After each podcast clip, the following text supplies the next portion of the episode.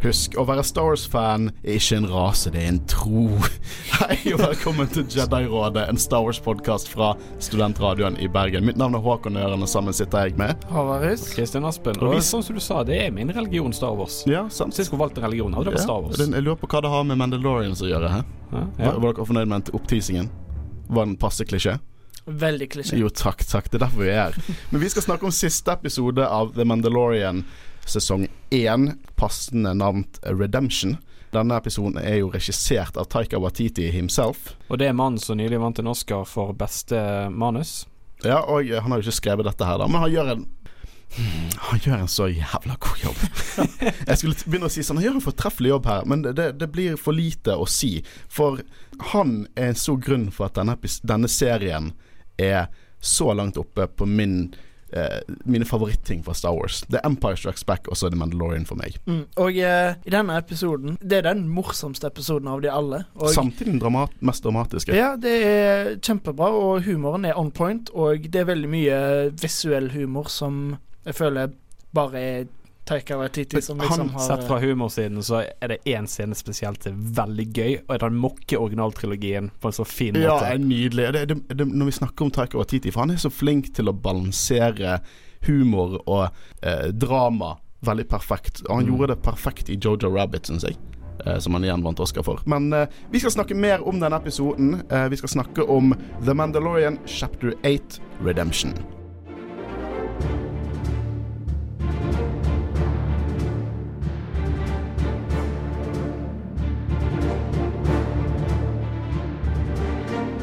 Jeg må advare igjen om at dette her er en spoiler-podkast, så hvis ikke du har sett serien, så må du gå og se den med en gang. Come on, baby.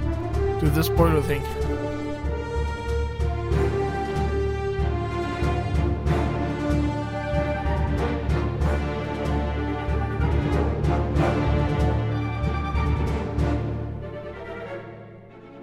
Den første scenen i denne episoden er kanskje den morsomste scenen noen gang i Star Wars eh, ever. Det, er, det er hverdagslige bekymringene og samtale til to Scout Troopers, spilt av Jason Sudeckis og Adam Pally. Eh, og de har jo nettopp hentet Baby Yoda, og de har skutt ned Creel. De, de er ikke akkurat noen good guys. Men de sitter egentlig bare og har en litt sånn uformell Ja. samtale. Ja, for vi liksom se to stormtroopers, hva de gjør når de ikke er på ja, ikke, ikke på jobb, liksom, men hva de gjør ellers. Det føles ut som en sketsj, egentlig. det, det føles ikke ut som Star Wars, men det føles akkurat ut som Star Wars. Ja, Så det er liksom ja, jeg skjønner hva du mener. Det var Men- morsomt hvordan de snakker om sånn der Ja, Moff Gideon drepte nettopp en squad of troopers. Bare Drepte han sine egne, men ja, du vet hvordan når disse nye kommer inn, og skal være liksom big shot i byen. Og så er det jo en klar mokk til originaltrilogien eh, når de begynner å prøve å skyte på Er det en boks, eller? Ja, de, de, de prøver å bare å liksom overskyte seg på en liten ting på bakken, og de bommer som bare F. Og det er et hint til hvor mye de bommer originaltrilogien, som vi har snakket mye om Ja, i og de, de, de, de, blir til og med litt sånn De skjønner ikke hva som er gale med blasterne sine. De rister den Det høres ut som en mal, sånn tag, malingsboks. Rister den. Men før alt dette skjer, så begynner de å diskutere Baby Yoda. Og det ender med De er liksom han ene er litt, uh, litt nysgjerrig på hva dette er. Og det ender jo med at Baby Yoda biter han. mm. Og så slår han til han ungen. Ja, han blir slått flere ganger. Ikke bare slår, han puncher han. Og det er liksom Etter å ha blitt kjent med Baby Yoda i åtte episoder nå Jeg ble så forbanna. Jeg ble sint. Og det var visst her at uh, Dave Favreau kom innom og sa var forsiktig her, fordi at uh, den dukken koster fem millioner dollar. Men jeg nekter å tro de brukte Hero-dukken der, så jeg tror det må være en spøk som internett bare har liksom måtte ha adoptert og gjort til ekte. Jeg nekter å tro først at den dukken koster fem millioner dollar, og jeg nekter å tro at de har slått den dukken for fem millioner dollar. Og han syns at noen som slår en unge, er good guys. De her er liksom Så eh, Da sikter jeg til Håkon. Jeg vet det, men Cara. Dune hun har gjort mye shady. Det, det kan ikke, du kan ikke å, Du kan ikke blame en hel organisasjon for én eller to bad guys. Mm. uh, men uh, IG11 dukker jo opp, og jeg, eh, de gjør litt sånn narr av han først. Sånn der, 'Å, jeg trodde IG var jegere. Er du, er du nurse?' Og det er litt morsomt, fordi de sier sånn der 'Haha, nurse', og så går IG nærmere. 'I'm sorry, nurse. You, you need to go'. og de prøver å eh, Det la jeg merke til andre gang jeg så den. De prøver å skyte sånn advarselskudd, og så bommer de så ekstremt mye. For de prøver å skyte på føttene, men de treffer sånn én meter vekke. Jeg lurer på om det var en detalj at de bare ikke klarte det, eller om de bare faktisk prøvde å skyte, og så bare bommet de, og så bare gikk de med det.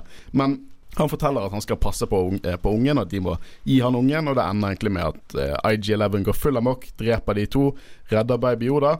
eh, og flyr på speederen deres sakte, men sikkert vekk. Eller raskt vekk. Og denne introen er ganske unik. Etter forrige episode, som avsluttet med Queel liggende død der, så har vi en episode som starter med pure comedy, og det er skikkelig, skikkelig bra. Nei, det er som de, de sier, det er comedy gold. Det er det. Rett og slett. Det er helt Det er ja, dødsbra åpning. Vi kutter tilbake igjen til uh, Moff Gideon uh, og gjengen som er stuck inne i baren. Og det er jo Mando, Cara og Grief, og de er fortsatt stuck der inne. Og de, har, de prøver liksom å lage en plan for å slippe unna, da. Uh, og Mando sier jo at Mandalorians har fulgt av tunneler under byen, og de kan dra til de for hjelp. Og Jeg syns det er litt rart at han forventer at de fortsatt er der. Sist gang vi så de var i episode tre, og da snakket de om at de måtte relokalisere liksom coverten. da så jeg synes det reagerte litt på at han antok at de fortsatt var der. Ja, og spesielt siden det var så mye skyting og action, så det er ikke hver dag eh, hundrevis av Mandalorians kommer ut og plutselig er i en by, så jeg er egentlig enig i at jeg skjønner ikke helt hvorfor han forventa at det skulle være der, men Eh, De, de går i hvert fall eh, videre nå her, da, for de setter opp eh, en E-Web Blaster Turret, en eh, våpen vi så i Empire Strikes Back. Eh, og i ingen live action-verk fra Star Wars har de noen gang sagt E-Web Blaster. Var det den som ble satt opp av en snowtrooper på Hot? Ja. Jeg eh, hadde den en sånn batterigreie? Den Ja da, den har det. Vi visste bare ikke det at det var, hvis du skjøt på den, så eksplosjon. Det kunne kanskje opprørende visst. Men eh, jeg bare får en så sinnssykt nerd hard-on når de bruker navn som E-Web i live action. At de bare sier E-Web. Sånn, at de som skriver det, er klar over at den blasteren heter E-Web. Jeg, jeg, klarer ikke å understreke hvor hypet bare sånne ting gjør meg. Fordi det er et navn som har vært kjent Ja, i, i lang, lang tid. tid. Det er sånn alle lekene. Å, E-web. Men det, det er sånn typisk sånn Det er sånn som i Ringenes herre. Alle visste at Lurts het Lurts. Men de sa aldri Lurts.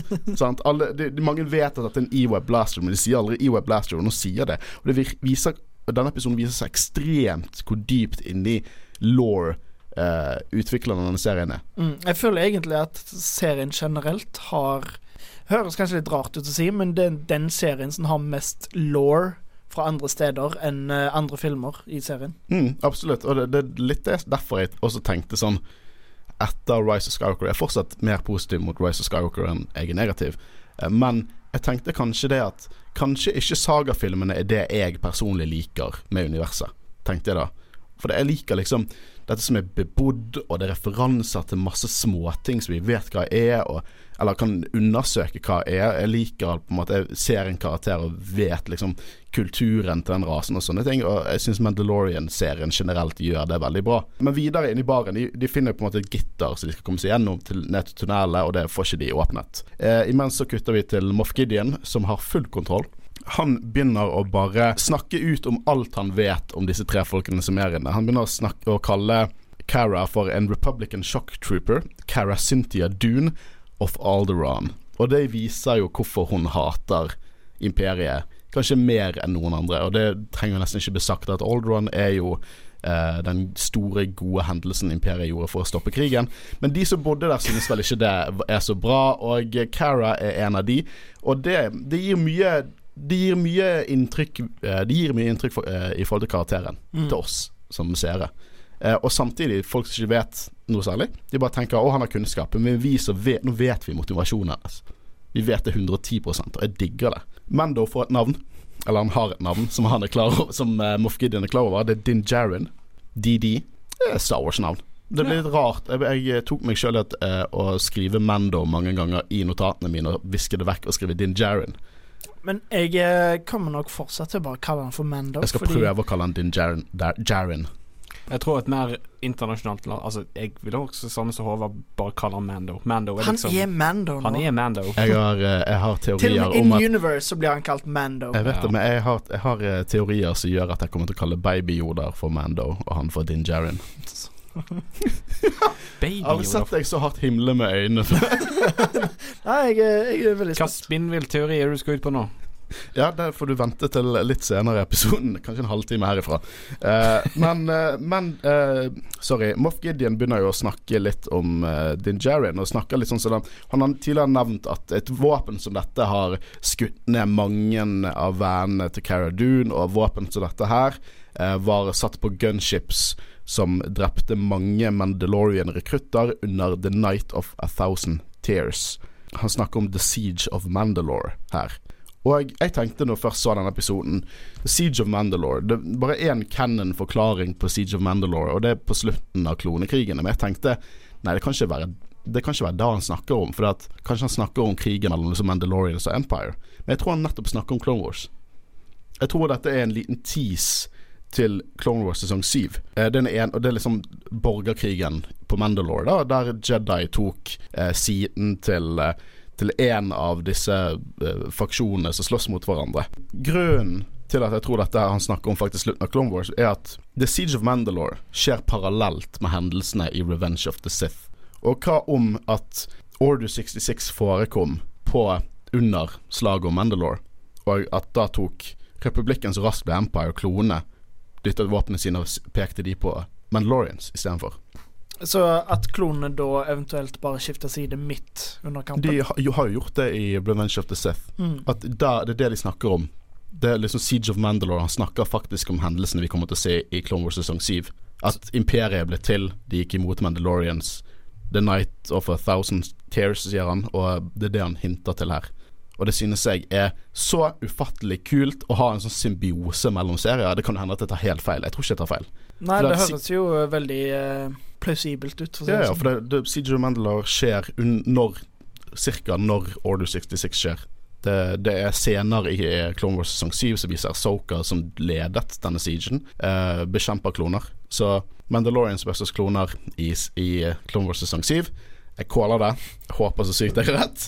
Men jeg syns det er sinnssykt kult. Og jeg tenkte ikke over det første gang jeg så.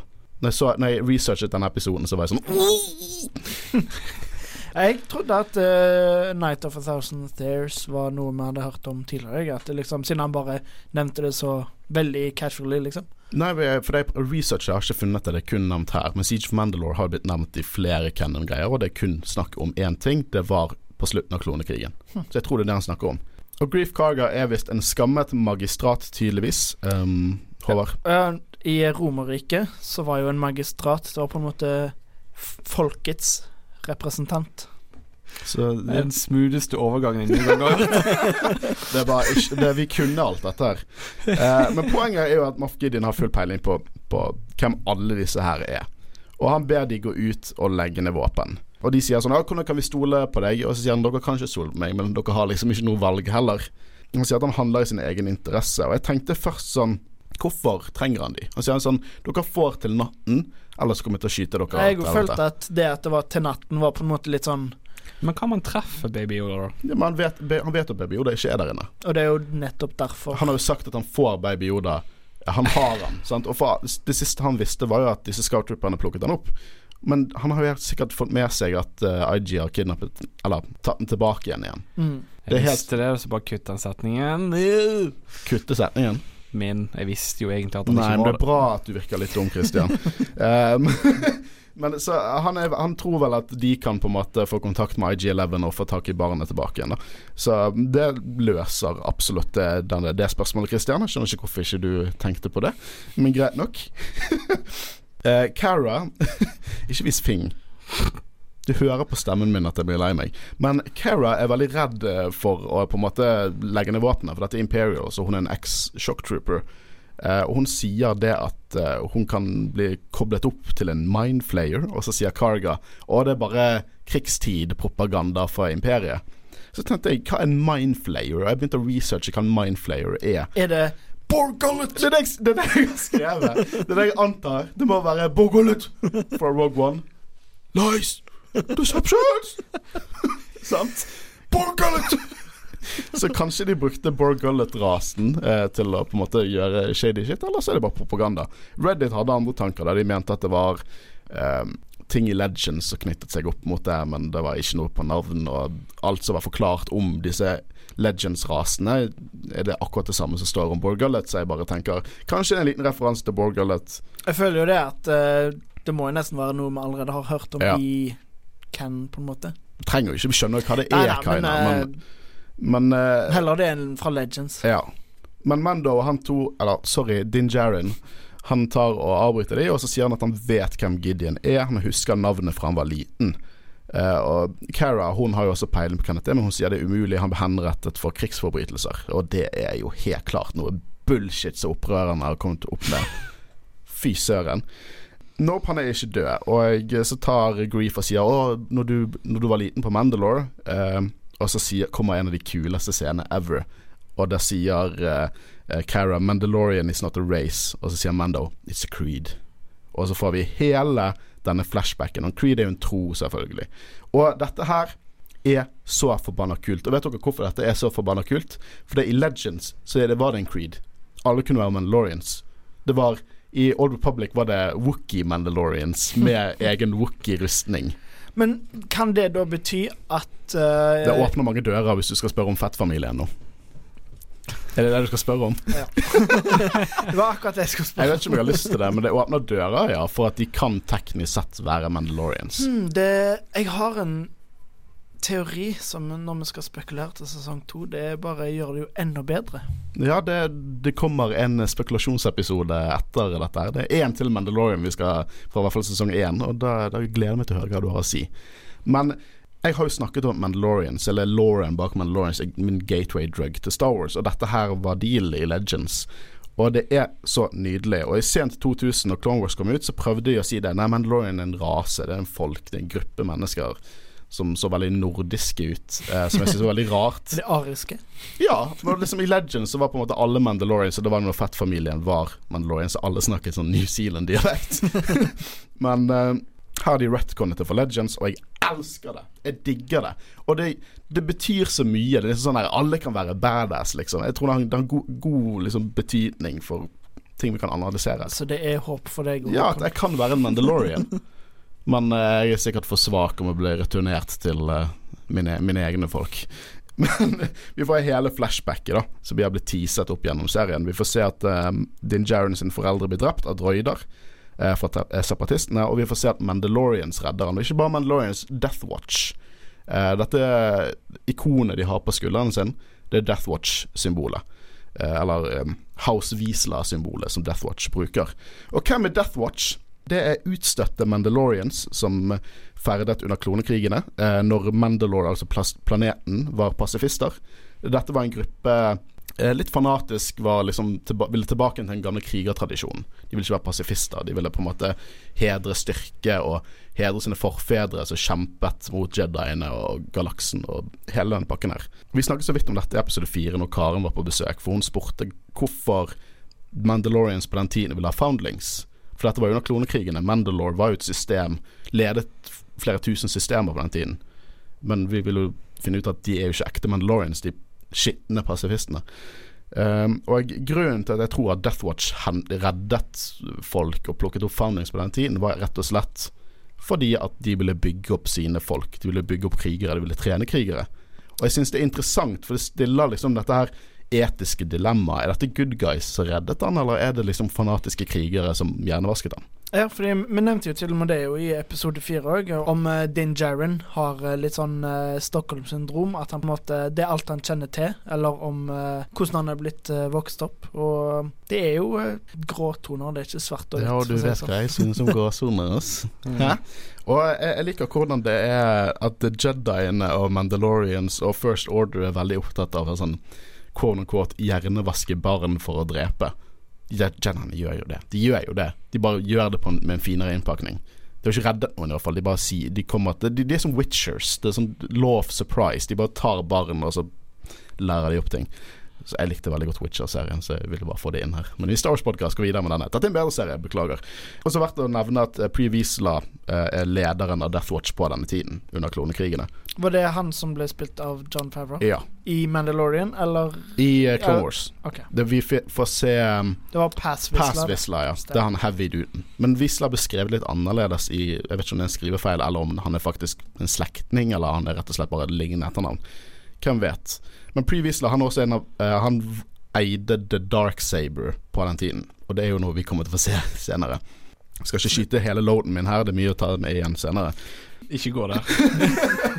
Så jeg, jeg, jeg har lyst til å lore-dumpe litt mer om dette her med Mandalore og Death Watch. For det er på slutten av klonekrigene så tok Death Watch over Mandalore, og Maul, liksom Darth Maul, ble deres leder etter han drepte Pre Wiesla. Pre Wiesla ledet liksom det, dette kuppet for å ta over Mandalore, gjøre de til en krigerstat igjen.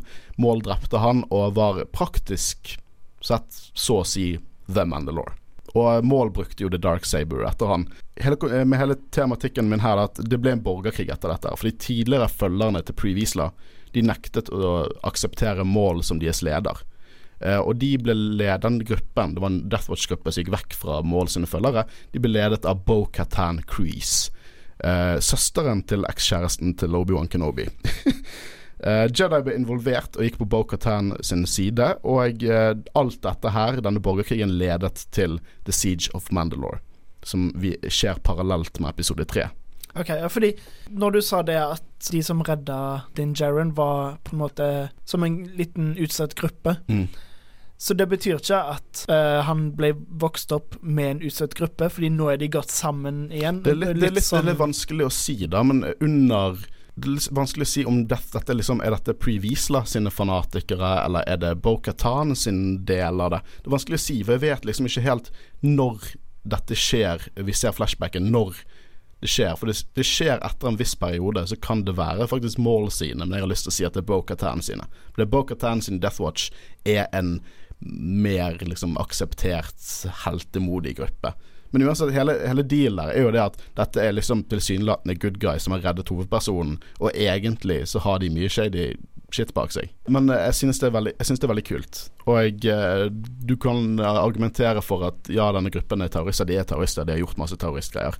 Men de prøver jo sikkert å skaffe støtte sant, ved å gjøre heltemodige greier. Og mange ser på de som frihetskjempere. Og det er så det er sånn ekte parallell til historiske hendelser som skje, har skjedd opp gjennom vår ekte historie. Og det gjør at jeg tror så mye mer på universet. Jeg digger det. Seriøst, gråsoner, folkens. Um, jeg kommer til å snakke veldig mye mer om uh, dette her med uh, Bo-Katan og sånn senere i episoden. Det siste vi så fra Bo-Katan som tok over, var jo uh, rett før A New Hope. Da hun tok opp The Dark Saber for å bekjempe keiserlig kontroll over Mandalore. Vi vet ut ifra denne serien at det gikk ikke så bra. Og hvis dere synes at det jeg sier nå er jævlig interessant, og jeg har ikke dratt det ut av ræven min uh, Dette her er Rebels og Clone Wars uh, law. Blant annet noen tegneserier inne der. Men, så dette er egentlig Rebels, Rebels og Clone Wars law, og det er så sykt mye kult der. Jeg gleder meg til du skal se det, jeg, Håvard. Ja, jeg gleder meg, jeg. For, det, for eh, vi har jo sett det, Christian. Mm -hmm. uh, og jeg, vi skal jo dekke Clone Wars uh, snart, i løpet av dette semesteret. Og da lurer jeg på, jeg lurer på hvordan du kommer til å ta imot, ta imot det. For det, vi har litt nostalgi til det. Det kan jeg oh, si. ja. Ja, ja, ja. Fordi jeg har begynt tidligere, og så bare måtte gi meg, men jeg tror jeg må være litt sånn strategisk med hva episoder jeg faktisk ser. ja eh, vi, vi kan hoppe over sånn Jar Jar og Mace Window-episoden, og så tar vi liksom det skikkelig kule. Men vi kommer til det også. Jeg har også lyst til å snakke om en annen ting. For det husker dere i første episode, så begynte jeg å snakke litt om designet til eh, de nye Mandalorians. Hvordan de var litt sånn skarpere kanter på hjelmene, litt mer sånn geometriske. eh, og jeg snakket om hvordan de kanskje så ut under uh, borgerkrig Nei, uh, prequelsene, mer som Bobafett, og så nå i OT Dette er rett etter originaltrilogien, men du kan si at det er kind of samme æra.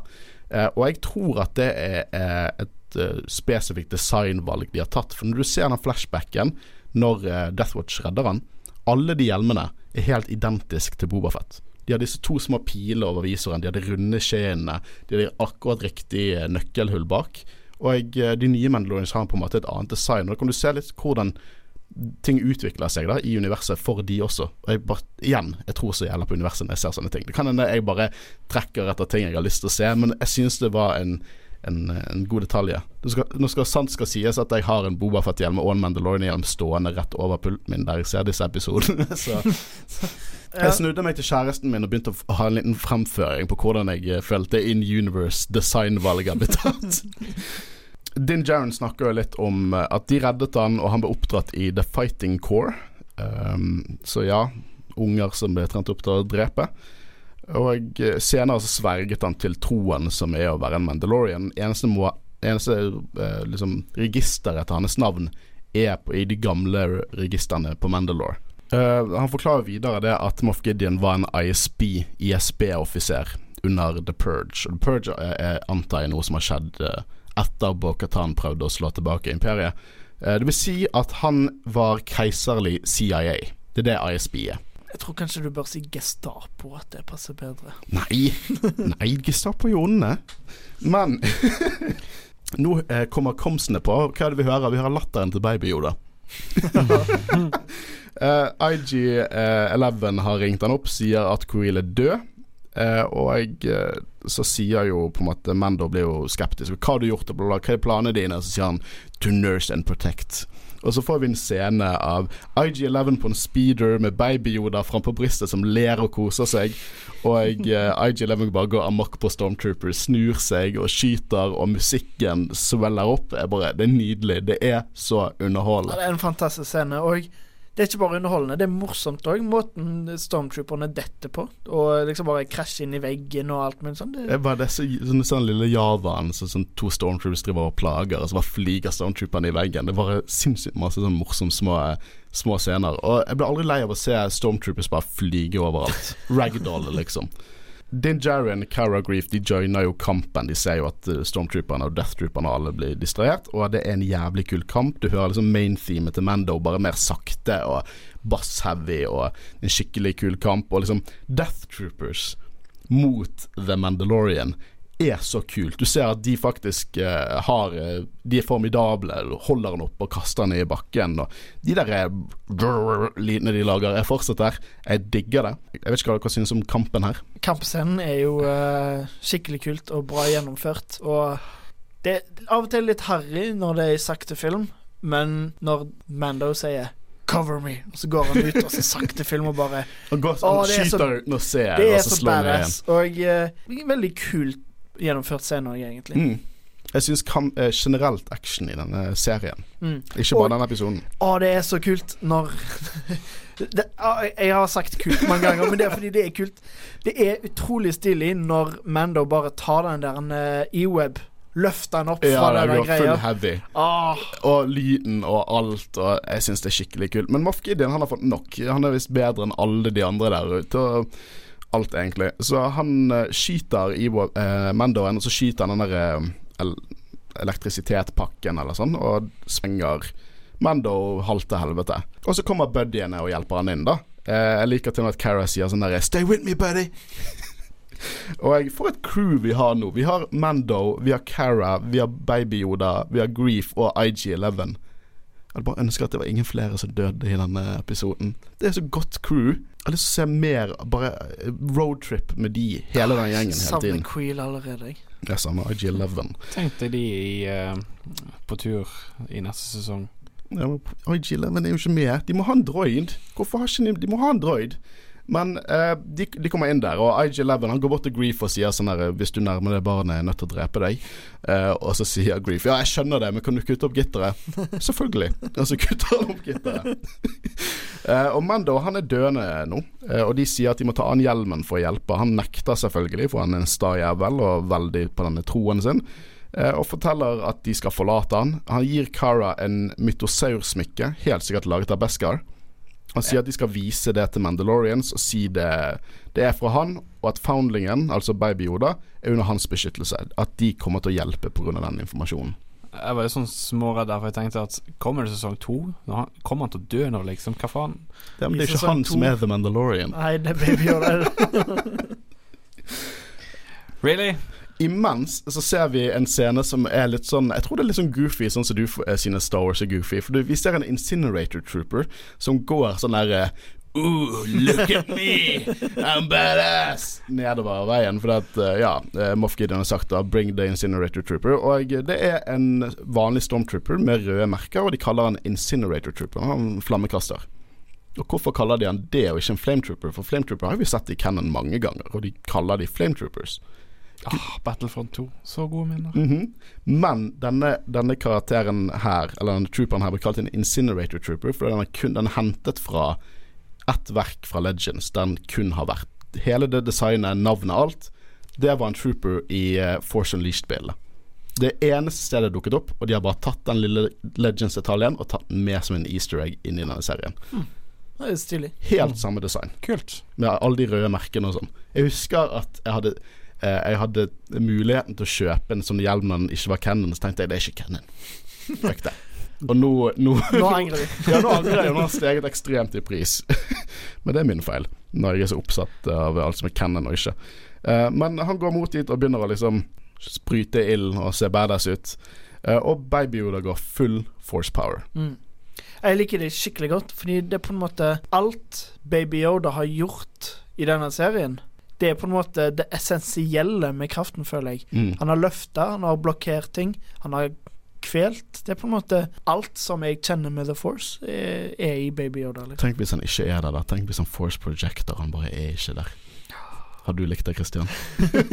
Force Projector. Da hadde du ikke greid å løfte den. De har løfta den sjøl.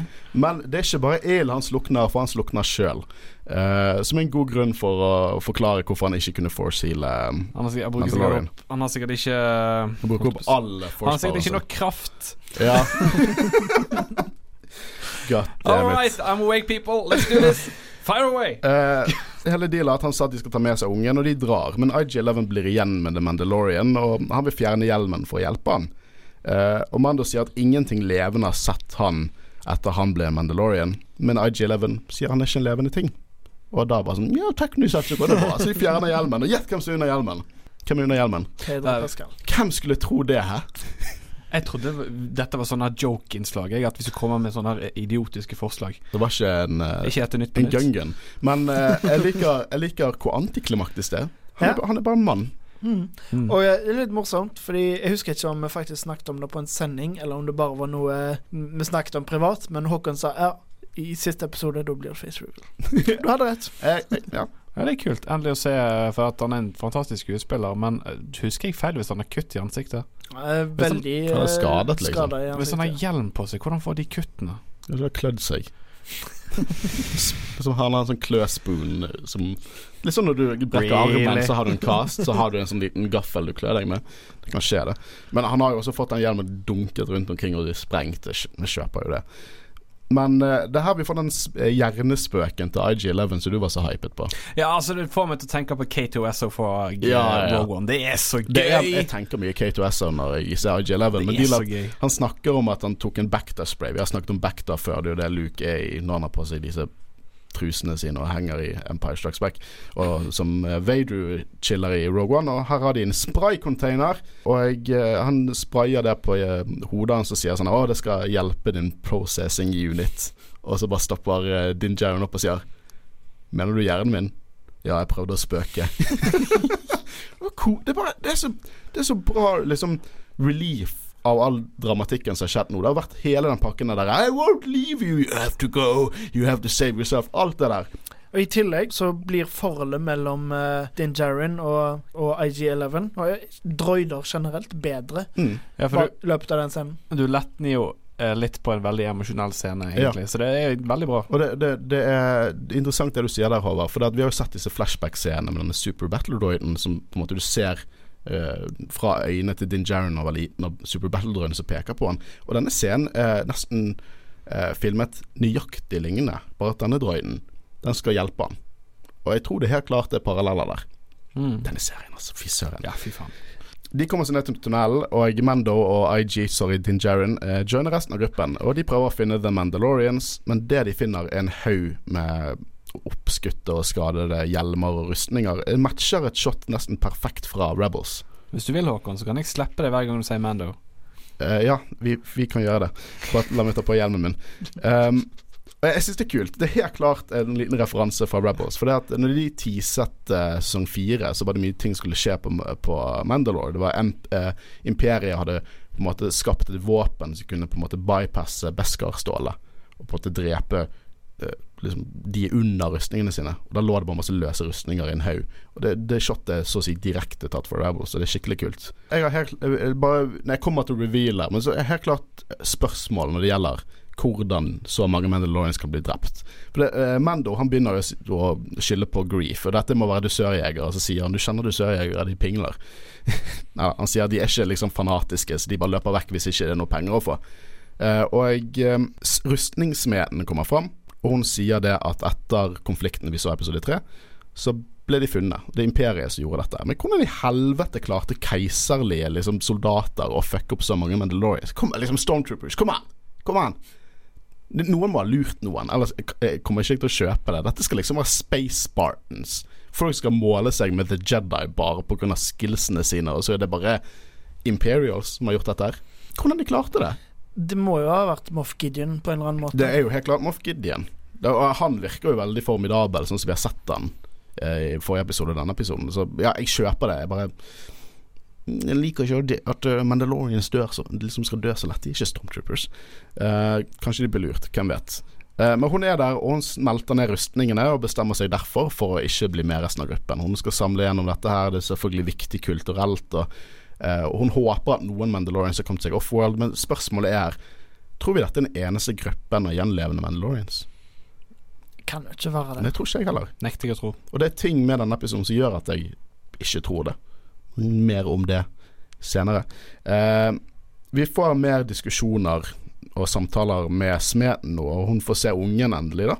Eh, og det viser seg at hun vet en ting eller to om The Force. Hun snakker om eh, et eller konflikt mellom Mandalore the Great og en gruppe kalt The Jedi. Første gang det navnet ble name-droppet Jedi i, i, serien. Og første gang navnet Mandalore the Great ble name-droppet i noe som helst. Vi vet ikke hvem det er. For det er at lederen av Mandalorians blir kalt Mandalore. Men de blir kalt for trollmenn. Ja, trollmenn. Det syns jeg er litt litt, litt, litt weird, jeg men det er Litt sjarmerende, syns jeg. Men jeg, har, jeg, jeg synes det er litt rart. For det, ok, Mandalorians, rustningen og teknologien de har, har de fordi at de skal bekjempe Force-brukere. Det var Mandalorian Wars var en stor krig mellom Jedi og Mandalorians. Jeg ville nå trodd at eh, konseptet Jedi var bare stemplet inn i historien deres, så at alle burde vite det. Ja, Det er litt rart at det måtte bare ha forsvunnet i løpet av 30 år. Egentlig så burde det vært jeg, jeg, jeg kunnskap som strakte seg fra flere planeter. Så jeg kan skjønne det litt med Din Djarin. For Din Djarin ble tatt, opp, eh, tatt eh, imot av Mandalorians på slutten av klonekrigene. Så har du på en måte 30 år ish med keiserlig kontroll og propaganda. Så det ble, ble presset ned. Og eh, imperiet styrte Mandalore-planeten. Og jeg tror at de hadde andre problemer da enn å tenke på den antikke konflikten mellom Jedi. Men allikevel, jeg ville, jeg ville trodd at han hadde i hvert fall hørt om det. Og spesielt hvis uh, Du nevnte jo bare tidligere i denne episoden at uh, for ikke så lenge siden så var det jo en uh, krig med der jediene var på samme side. Eller var det bare republikken som sine soldater? Asoka Tano og Obi-Wan har vært der og direkte tatt del i Mandalorian-borgerkrigen på slutten av Clone Wars. Og jeg, før det igjen så var jo det stor propaganda. Liksom De gamle bildene, de Picasso-bilder rundt omkring på Mandalore, der du ser at det er Jedi imot Mandalorians. Eller historien bak rustningen deres er på en måte en måte å være bekjempe The Force. Men det kan jo òg hende at i og med at det er så små grupper, og at de er kanskje spredd rundt omkring i hele universet, at noen av gruppene kan vite mer om det. Kanskje, med, det kan kan, kanskje han drar til en annen gruppe med Mandalorian som vet mer i neste Ja, for det er det som gjør at jeg kan kjøpe det. I hvert fall at, Mandal at Mandalore At han ikke vet det. For mm. det er helt andre, det er helt andre prins, liksom prioriteringer nå. Uh, Jedi er vekke for alt de vet. Vi har Luke, da, men har jo så vidt liksom fått tærne sine ned i bassenget når det gjelder å trene en ny Tærne sine i bassenget, det var veldig fint metafor. Jo, takk, takk. Nå kommer jo snart uh, gode, gamle Ben Solo og slår til. Men uh, så det er andre, andre prioriteringer her. Jeg vil bare Jeg vet ikke, jeg, jeg, hvordan Jeg The Armor Hun er jo liksom en elder, antar jeg. En eldre en som vet litt mer om fortiden. Uh, at hun, hun snakker litt sånn mystisk om de, som om liksom Å, dette er hemmeligheter. Men jeg vet ikke. Det, jeg skjønner jo hvorfor de fremstiller det sånn. Det skal på en måte være et mysterium. Det skal på en måte være eh, Disse skal på en måte finne ut nye ting om universet. Jeg kan sette pris på det, for all del. Hun sier at eh, ved Mandalorian-troen så er barnet i hans beskyttelse, og han er innen er barnet gammelt nok eller kan komme tilbake til sine egne folk, så er Mando faren til baby Yoda. Eh, hun mener at barnet ikke kan bli trent opp som Mandalorian, selv om jeg liker veldig godt den tanken. Men hun er for svak. Nei, det er for svakt. Det vil dø under treningen, tydeligvis. Jeg vet ikke om hun Nei, det er ganske svakt. Det har mye kraft i seg, men det hadde vært litt kult å se en bitte liten Mandalorian med grønne øyne. Jeg må si det. Grønne ører, mener jeg. Jeg er trøtt, jeg òg. Bitte liten Mandalorian med grønne ører. Nå kan vi sette det perfekt inn. Det blir gøy å redigere denne episoden. Um, hun sier jo at det må tilbake til sin rase, og Mando må finne den rasen. Så kanskje et hint til hva problemstillingen er i sesong to, kanskje. Og inntil da er det barnet sitt far. Jeg leste en sånn her Uh, At Baby Yoda skal få sin egen TV-serie. Han har allerede sin Han egen har sin TV-serie. egen TV-serie. Det er han som er The Mandalorian, i hvert fall. Så hun begynner jo å spørre litt om dette her med, med, med Mudhorn, og at dette var barnet som reddet han. Så han får en signet, en Mudhorn. Jeg må bare si at jeg kålet det også. Jeg kålet at den episoden er viktig, fordi at den han omhandler signeten og hvordan de to redder hverandre. Og det gjorde jeg. Og han får en signet endelig, og det er en Mudhorn. En veldig kul eh, design. Og eh, hun sier at dere er en klan av to. Det vil si, av universets regler, at Baby Yoda er nå en Mandalorian. Baby Yoda Hele plottet omhandler Baby Yoda. Foundlings, er de Mandalorians eh, De, har ikke, de, må med, jo ta opp, de må jo sverge til Cretan. Men nå sier dere er en klan av to. Det er jo en prosess. Det er konfirmasjon i Mandalorian så at du må sverge til Cretan. Men eh, for alt vi vet nå, er han en eh, liten semi-Mandalorian, og hele plottet omhandler hvem, eh, liksom Baby Yoda. Jeg håper Baby Yoda Serien begynner her- å snakke i sesong to. Altså. This is the way. Way this is. Men jeg, jeg tror at Så tittelen tilsier Yoda, ikke Eller Baby Yoda, ikke Hva heter han, sa du? Din Jaren. Din Jaren. Ja, men jeg, jeg tror at navnet The Mandalorian omhandler de begge, og ikke bare han. Jeg er helt overbevist om. Du kan tolke det på to forskjellige måter. Det høres supergoofy ut. Slutt å se på meg på den måten. Over. Den heter ikke Jeg liker det skikkelig. Jeg Du håper liker det? Ja, ja. Jeg tror det kan tolkes sånn. Til og med på slutten av episoden det, så har, De sier han er klan av to, og så har han en Mandalorian smykke rundt halsen. Jeg tror jeg er inne på noe her. Jeg tror Ja, jeg er inne på noe det her. kan være du er inne på noe, men serien forresten heter det Mandalorian, ikke Mandalorians. Ja, men det kan, Er det han som er Mandalorian, eller er det han som er Mandalorian? Hvem vet? Det er to av de. Hvem er det serien omhandler mest? Hva er, liksom, hva er på en måte problemstillingen rundt serien? Hvem er det de prøver å beskytte? Hvem er alt som dytter valgene? Hvem er det som kommer inn i livet til Din Djarin? Til og med Din Djarin får en name-drop her. Han Nå heter han Din Djarin, men hvem er Mandalorian? Vi kaller han Baby Yoda, men det er jo ikke navnet hans. Yoda er død. Yoda hadde ikke noe baby, for alt vi vet. Jeg ser hva du vil. The. Mandalorian. Det kan jo dere sitere meg på når vi kommer til sesong to og de sier on the nose This is the Mandalorian. Så kan dere huske til denne episoden. Kommer Eh, liksom på DVD eller Blu-ray-versjonen når den kommer på release i Norge. jeg vedder vi får en analyse fra liksom, eh, Dave Filoni som sier sånn at du kan, eh, du kan tolke det flere måter. Jeg, det. jeg håper det. jeg håper det Men vi får vite en, nytt konsept nå. The Rising Phoenix. En ny eh, eh, liksom, Det er et skill-tree i et rollespill. Du kan velge å legge inn poeng i The Rising Phoenix. For The Rising Phoenix, Phoenix, The Rising Phoenix er jetpack-bruking. Og uh, Din Jaren får en jetpack. Endelig. Han er oppgradert. Han er prestige nummer én. Uh, og jeg liker hvordan de snakker om det. Det er sånn, ah, du trent litt, men ja, når jeg var ung, du må trene mer. Ellers blir ikke en adel i dine kommander Kommandeteknologi men jeg liker akkurat sånn de har nesten sånn antikk tale, liksom mysterisk tale om teknologi. De er bare kulturelt religiøst, hele pakken. The Rising Phoenix. Men det, egentlig er det to raketter du plukker på ryggen, og du må trykke på noen knapper for å fly bra. Jeg digger det. jeg digger det Um, de stikker derifra, da. Uh, sammen med hele gjengen og Baby og sånne ting. Og så uh, setter smeden seg ned og begynner å meditere, ser det ut som. Med liksom hammeren og, og de der andre tingene har. Hun har smed. Smedting. Utstyr. Smeting. Ja, hun sitter der og chiller, og så kommer det Stormtroopers inn.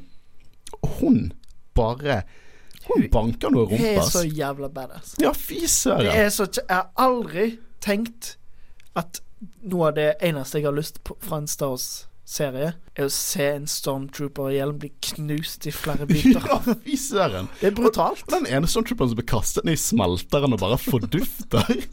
Fy søren, så badass hun er. Designer og bare Hun er liksom en elder Fy søren, for en awesome karakter. Jeg har så lyst på actionfiguren. Har så lyst på actionfiguren. Aner ikke. Men men de kommer til en lavaelv. Og her har vi en liten båt med en liten weird ass Astromech R2-esk droid med armer og bein. Jeg husker jeg, jeg bare sa what the fuck når jeg så det. Ja, det må være det rareste med hele episoden. egentlig. Ja, Og så er det kind of sånn naturlig også. Hvorfor har ikke jeg sett det designet før? Hvorfor har ikke de liksom Jeg syns det var kjempemorsomt. Og den er på en måte sånn gondolier. Den synger til og med. Gjør han det? Ja! Det, det var faktisk kjæresten min som, tenkte, som sa det, for jeg så episoden. Hun bare Synger den droiden? Jeg bare Ja visst faen synger han! Men De ror ned, eh, ned elven, da, og så ser på en måte de at det er masse stormtroopers utenfor tunnelen. Litt sånn gresk mytologiopplegg med Hades. Han Ja, liksom- ja. Kanskje det er Kanskje det er Hva heter han eh, elvemannen? Å, gud. Uten mynter på øynene. Charon. Charon. Nydelig researchet, eh, Håvard. Karon. Karon. Men eh, Så droiden stopper ikke, da. Og så bare dreper de igjen. Og jeg tror at han bare sang så høyt. Han er en gondolier. Han er sånn italien. Så «Ah, mamma mia», bare droid. Og så skjøt de han uh, av med hodet. Og de snakker om at de, de er ikke nok til å drepe disse stormtroopersene. Og det jeg har lagt merke til i all Star Wars, er egentlig bare det at disse stormtroopersene er en trussel når hovedpersonene sier de er en trussel. Liksom, come on. Come on. Gå ut og skyt de. Gå, gå ut og skyt de. Det er stormtroopers. Men så tenkte jeg også litt når jeg så de, det er ganske mange stormtroopers, og de er på hver side av en elv. Men allikevel, det er stormtroopers. Kanskje de var plukket opp noe av det Beskar-stål og bare gitt alle litt Beskar-stål. Men eh, de finner ut at de, de, de vet ikke helt hva de skal gjøre nå, da. Eh, og IG11 sier at han fortsatt har den der eh, manufacturers protocol. Han kan ikke bli fanget i live, og at han kan self-destructe. Men for at han skal gå gjennom eh, denne protokollen, så må han vite at Mando er liksom hovedbeskytter eh, av Baby-Yoda.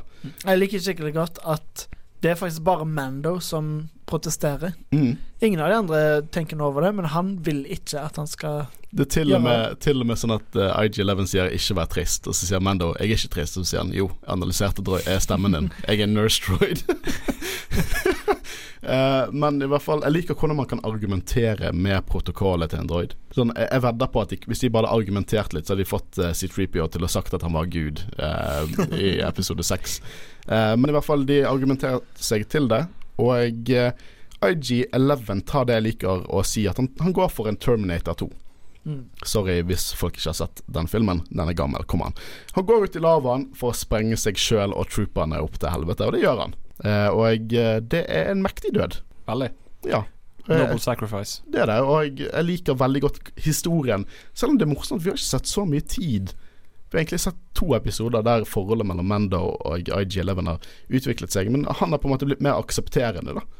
Jeg tror nok det har veldig mye å si på at uh, IG11 faktisk uh, redda livet hans òg, da. Og hvordan han har reddet livet til Baby Yoda. Ja. Hvordan han, Når IG først går ut, så driver han og koser litt med øret til Baby Yoda. Jeg tror egentlig at det at uh, Det er nok det at han redda Baby Yoda som uh, ja, selvfølgelig. Fordi han har begynt å virkelig bry seg om den babyen. Det har han jo egentlig gjort siden episode tre. Jeg tror denne episoden virkelig understreker han er en far for han nå. Mm. Mm. Men nå blir det på en måte den siste konflikten her, for de kommer seg ut. Men når vi hører vi en fantastisk lyd eh, Nå skal faktisk Christian rolletolke lyden av en Tie Fighter for oss. Skal jeg? Ja, Av en Tie Fighter? ja. That's a bad choice, Bates. Kom an, Nei. kom an. Jeg kommer til å bare legge inn en Tie Fighter-lyd der. Å gud? Tusen takk, Håvard. Det var nydelig. Det var det jeg ba om. Eh, de er ute, men Gideon i Tie Fighteren sin dukker opp. Og igjen dette har vi snakket om hvor skummel denne Tie Fighteren og ATS-en er. Den er ikke her nå, da. Men hvordan denne serien virkelig understreker hvor skumle disse tingene egentlig kan være. Eh, og her får vi en jævlig morsom scene. For det, Grief har en idé. Han vil at uh, babyhodet skal bruke den magiske tingen sin. Så han snur seg til eh, babyen og sier 'Come on, baby, do the magic hand thing'. og så tar babyen og sånn vinker tilbake og ler. Og det er bare Det er så goofy, men det er så fantastisk. Jeg digger det. Ja, det er gøy. Nå tar Mendo på seg en jetpack.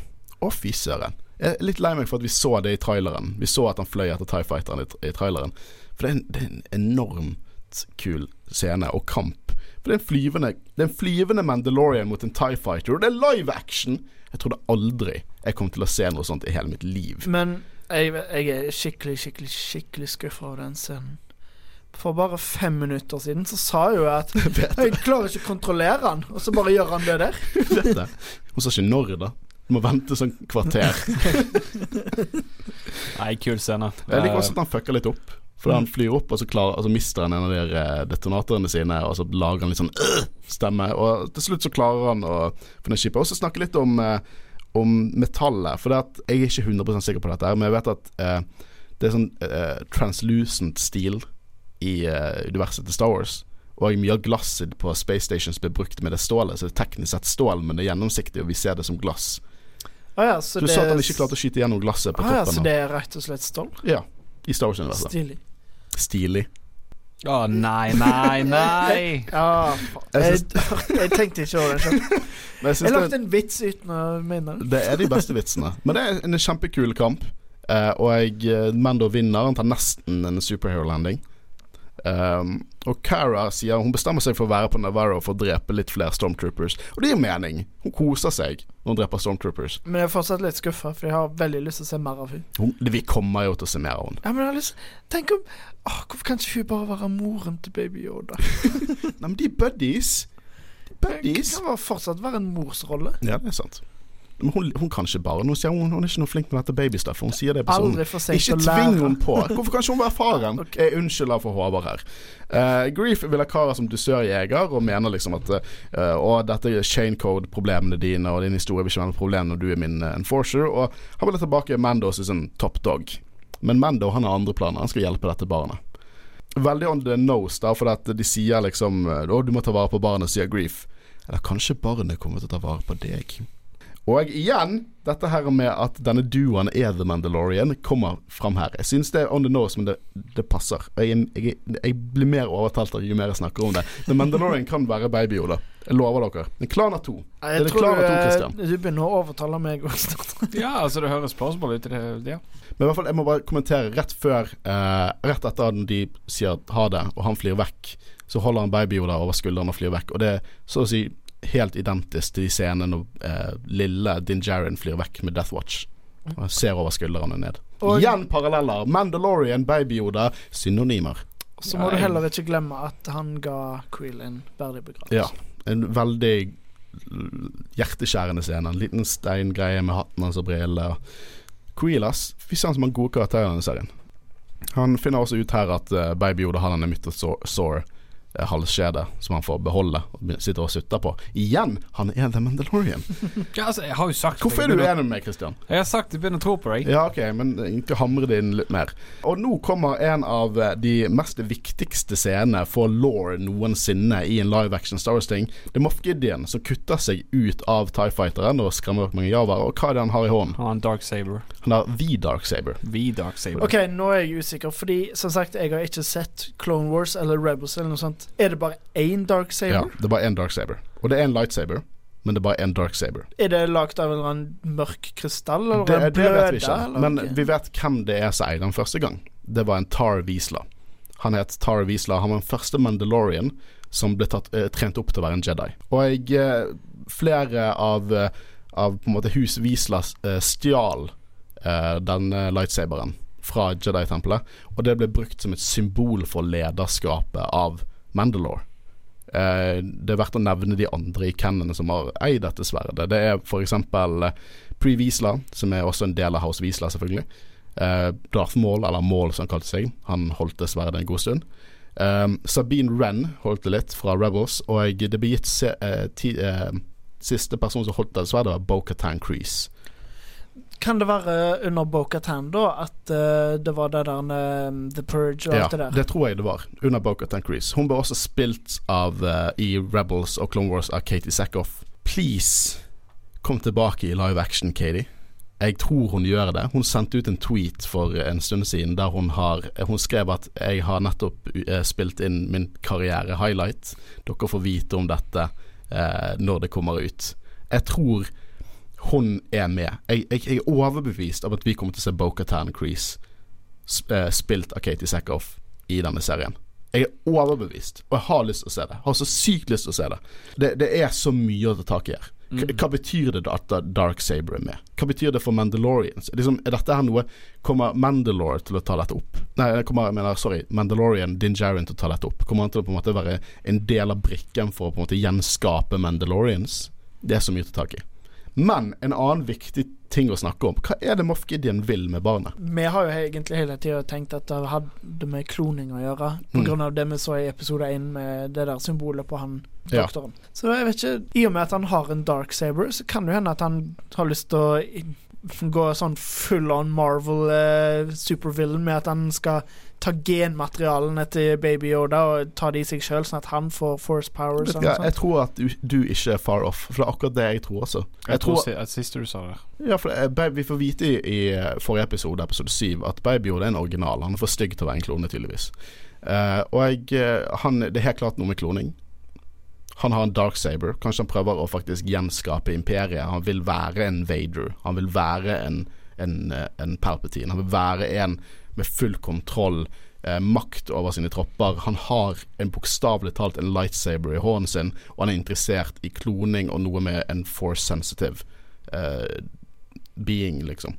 Jeg tror at han har lyst å Han har lyst å gjenskape imperiet, og han har lyst til å være sånn som Vader, for eksempel. Jeg, jeg er helt overbevist over det. Er jeg, tror jeg òg det nå. Mm. Men det var eh, ep siste episode av sesong én. Uh, og eh, hva synes vi? Hva synes du om denne episoden? Jeg liker den veldig godt. Veldig fin flyt fra episode syv. Digger at det føles mer som en lang film enn en enkel episode, hvis du ser de begge i lag med en gang. Nei, jeg er fan av action. Jeg er fan av uh, hvor karakterene går, og uh, den beste episoden i serien. Jeg er helt enig. Eh, jeg synes dette her Dette er det beste jeg har sett siden Empire Strikes Back. Jeg holder meg på det. Jeg synes det Det gjør alt jeg elsker med Star Wars. Alle checkmarks som jeg liker med Star Wars, er checket perfekt av i denne episoden. Jeg synes den konkluderer denne sesongen så ekstremt godt, og jeg er så hypet på hvor denne historien skal gå. Det er så mye i denne episoden og serien generelt, så jeg tror det jeg aldri kommer til å få se, i hvert fall ikke i live action. Og det, det, det er nydelig. Jeg synes det er nydelig. Bare humoren, eh, dramaet, action, alt er en perfekt liten pakke. Dette er soleklar ti av ti for meg. Mm. Ja, og jeg, liker den veldig godt òg. Det er min favorittepisode i serien. Men det jeg liker aller best, er at altså, Det er mye om Star Wars jeg ikke vet. Uh, jeg har hørt om Dark Saber, men jeg kan ingenting om det. Så når jeg så det, så tenkte jeg liksom OK, hva skjer nå? Jeg er så spent på sesong to, og det er lenge siden jeg på en måte har vært usikker og forvirra av noe i Star Wars. Og jeg, jeg syns det er veldig gøy, og jeg gleder meg veldig til å rett og slett vite hva som skjer videre. Og Neste sesong kommer jo allerede i oktober, så det blir ikke så lenge. Men fy det kribler i fingrene mine etter å se mer. Jeg synes det, det, denne serien har virkelig Jeg, alltid, jeg, jeg, jeg anser meg sjøl som en veldig positiv Star Wars-fan. Liksom, jeg, jeg synes at hvis du har problemer med noe, og det er noen problemer i alt sånn kreativt verk, så er det ofte et valg å bestemme seg for å være mer positiv enn negativ. Eh, Jeg tror det kan være et valg å like noe, til en viss grad, selvfølgelig. Og, men denne serien har kinda bare sånn boostet min kjærlighet for Star Wars på en måte jeg ikke så komme i det hele tatt. Til og med ikke midt i serien tenkte jeg liksom Tenkte jeg dette er skikkelig bra, tenkte jeg. Jeg digget det. Så bare kom de siste episodene og bare Fy søren. Bare blåste meg helt vekk. Jeg, jeg syns det er en nydelig historiefortelling. Ja. Det er en nydelig måte å balansere de, de gir til alle. De gir til de som f.eks. kun har sett filmen. De gir til og med til de som ikke har sett filmen, de bare ser Mandalorian. Samtidig som de legger små Små liksom Små deilige hint til eh, dypere historie og law og ting de anerkjenner at, et, at Star Wars er et multimedia-univers. Det er ikke bare filmene, det er ikke bare seriene. Det er så mye mer der, og det kombinerer det så perfekt. Ja. Jeg syns det er skikkelig bra. Og jeg er veldig glad for at de to siste episodene hadde en sånn historie som det hadde, fordi jeg synes det ble litt småkjedelig under de filler-episodene. Var veldig bra, men jeg forventa noe mer. Så når det på en måte gikk tilbake til å bli den serien som jeg trodde det skulle bli til å begynne med, så gjorde det mye mer for meg, det, denne serien hadde jeg, jeg skal holde litt tankene mine. For vi skal ha en episode til om Mandalorian sesong 1. For vi skal neste uke slippe en episode der vi snakker om hele eh, sesongen som ett verk, og vi kommer til å snakke mer om hvor det kanskje går i fremtiden. Eh, vi har snakket litt mye om det i dag òg, men det, det, blir mer Mandalorian-snakk. Også til alle dere som uh, har vært kjempeforbanna på oss fordi at vi har dekket Mandalorian og ikke det tilgjengelig i Norge. Vi skal begynne med Clone Wars. Vi skal dra Håvard gjennom den ferden som er det fantastiske som er Clone Wars. Vi skal også dekke solo.